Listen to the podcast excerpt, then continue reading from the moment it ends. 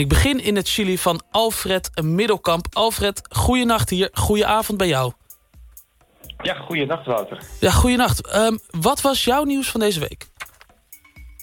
Nou, mijn nieuws van deze week, als het over Chili gaat... was uh, dat Rodrigo Sandoval is opgestapt. En ik kende Rodrigo Sandoval ook niet... maar dat is de directeur van de immigratiedienst hier in Chili. Dus de Chinese versie van de IND. Ja.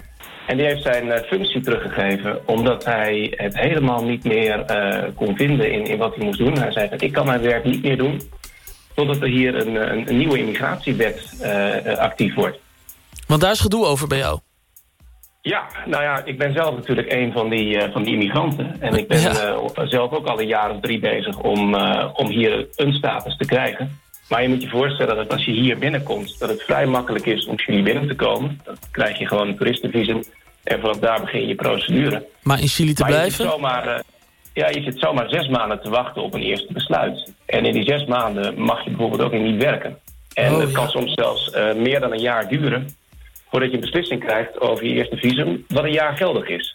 Dus dat is uh, inderdaad een compleet onwerkbare situatie die daar ontstaan is. Ja, en, en nu heeft uh, die directeur heeft inmiddels door dat het niet gaat werken... en die is opgestapt. Klopt. Dus jij maakt je een beetje zorgen nu? Nou ja, het, uh, het, het, was natuurlijk al een zootje en het zal blijkbaar nog even een zootje blijven. er zijn in november weer verkiezingen. En ik denk dat er voor die tijd niemand zijn handen aan dit dossier gaat branden. Nee. Dus uh, ja, het wordt, het wordt nog even uh, doorploeteren. En uh, hoe lang heb jij nog alle zaakjes voor elkaar daar?